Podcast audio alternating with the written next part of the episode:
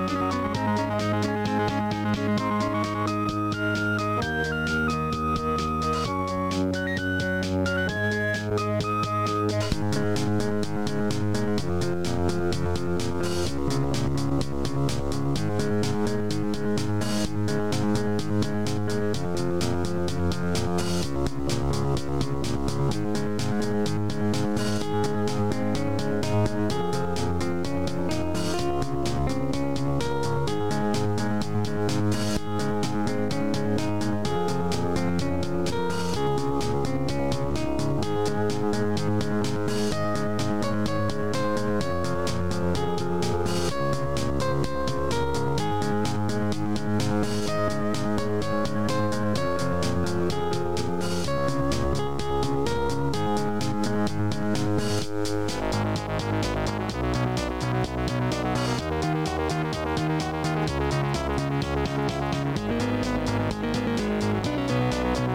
you.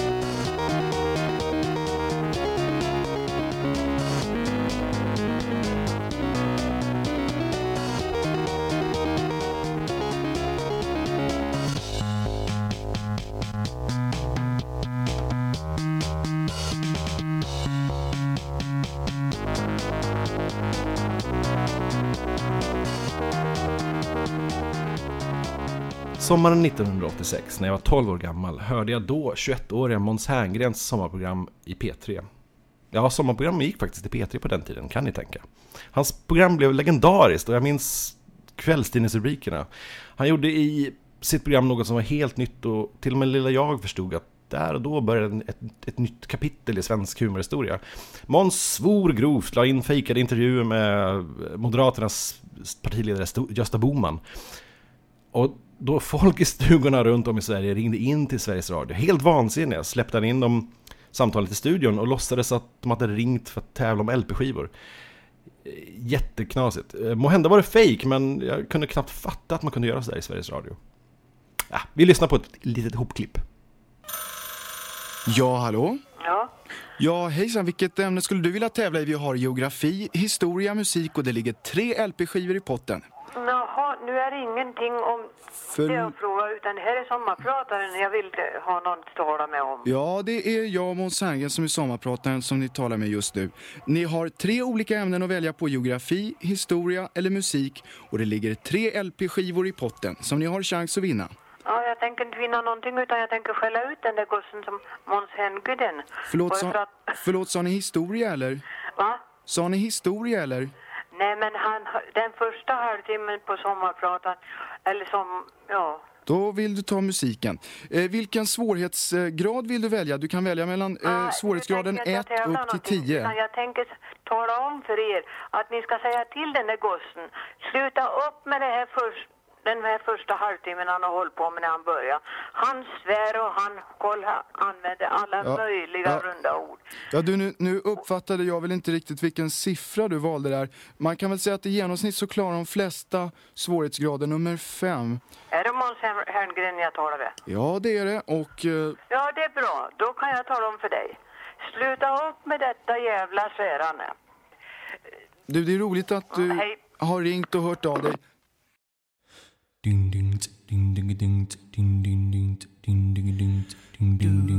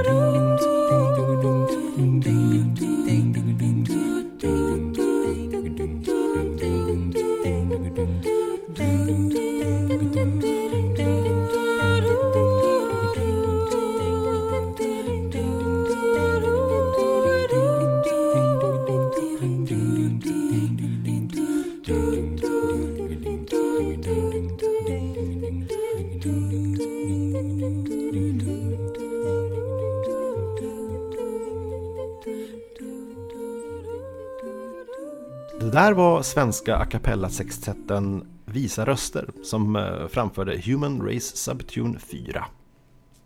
Inför det här specialavsnittet satte jag mig och gick igenom eh, en massa gamla kassettband för att höra om det fanns något skoj att spela upp. Jag tänkte speciellt på mina tre kassetter fulla av eh, citat mixad musik. I slutet av 80-talet var min stora idol Klabbe och, och hans eh, radioprogram på fredagnätterna Eh, rakt över disk. Jag ville liksom bli som honom och, och även om jag inte hade så många vinyler eller teknik för att sampla och mixa grejer så hade jag i alla fall en dubbelkassettspelare. När jag nu i veckan lyssnade på banden hörde jag vad jag inte hörde då, att det låter helt förjävligt. Eh, det var inte så mycket mixar, det var mest eh, en ostrukturerad isärplockning av passager och ljudsnuttar från mina favoritlåtar. Recplay och paustryckande i all ära, men klippen blev så fula och tydliga att man helt tappar känslan. Vid ett tillfälle experimenterade jag med att leda ljudet från min stereo till en annan, så jag kunde spela upp två kassetter samtidigt. Och dessutom koppla in syrrans lilla keyboard också, så man kunde sampla ljud i någon sekund. Skitdålig kvalitet. Och så hade jag liksom skivspelare och grejer, så jag kopplade ihop allting. Eh, och jag förberedde kassetter i mängder och, och spelade liksom sedan in allt live. Det blev inte så bra, men där och då kände jag mig som en riktig DJ i alla fall. Äh, vi kör en snutt så får ni själva höra på eländet.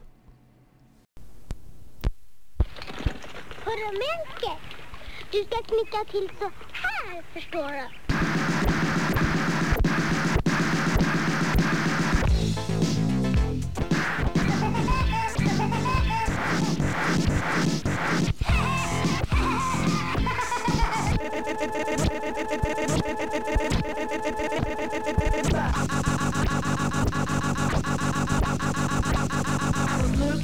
It's a woodpecker from space!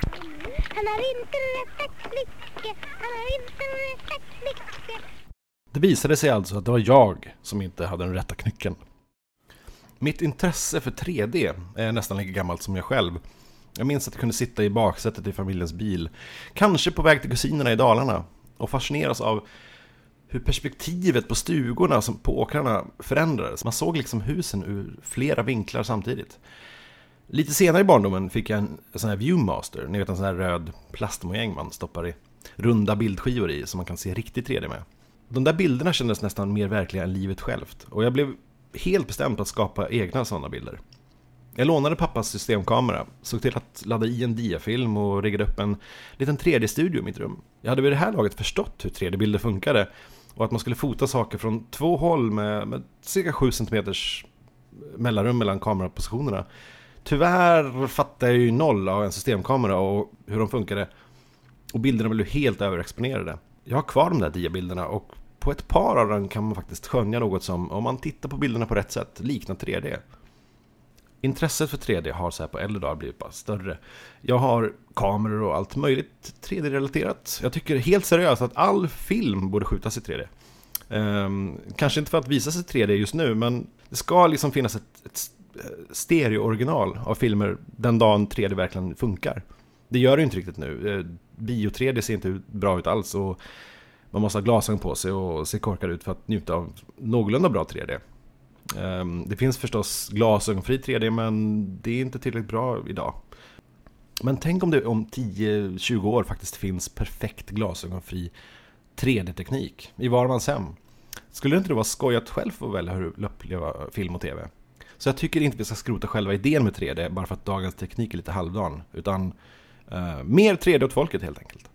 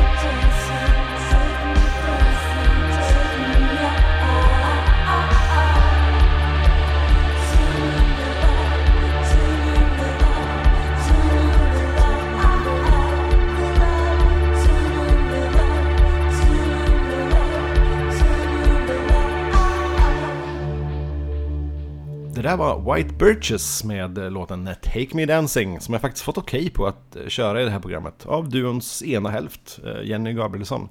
Jag gjorde ett par musikvideor åt henne för ett par år sedan. Kolla på YouTube om du vill. Sök på I'm Just Dancing och The Black Lodge ihop med hennes namn. Speciellt stolt är jag faktiskt över The Black Lodge som var oerhört knepig att få ihop. Tanken var att Jenny skulle synas bild i två versioner samtidigt, där den ena är framlänges och den andra är baklänges. Eh, jag var superinspirerad av Shibumatos Sugar Water-video eh, av den fantastiska Michelle Gondry. Idén med videon var att båda Jennyarna skulle göra synkroniserade grejer och interagera med varandra. Sjunga olika partier var och så vidare. Det var ju superknepigt. Ehm, vi spelade in i en pytteliten replokal som jag sedan digitalt förvandlade till ett enormt eh, Twin Peaks-inspirerat rum. Det blev faktiskt skitbra till slut. Fan, jag borde göra en tredje video. Eh, I tredje kanske. Hm, vi får se.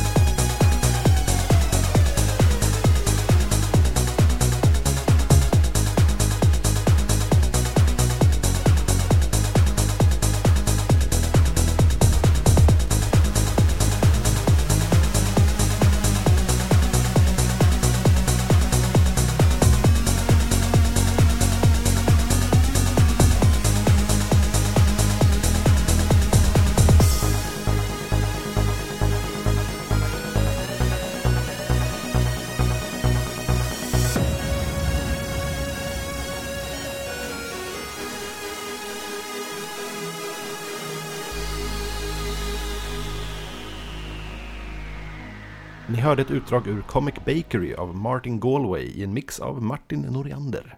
Så, jag vill tacka för mig och för att ni har orkat igenom det här sommaravsnittet som var lite kort kanske. Eh, med mig, Anders Karlsson. Jag tycker att vi avslutar med ytterligare ett eh, kassettoriginal. Den här gången förlagan till Fackpoddens signaturmelodi. Den har ingen titel, eh, jag kallar den helt enkelt B09 eftersom den var på kassettens B-sida och det var det nionde spåret. Jag ber om ursäkt för kassettkvaliteten på ljudet. Det är inte så bra. Ha nu en fin, fin sommar och tack för mig!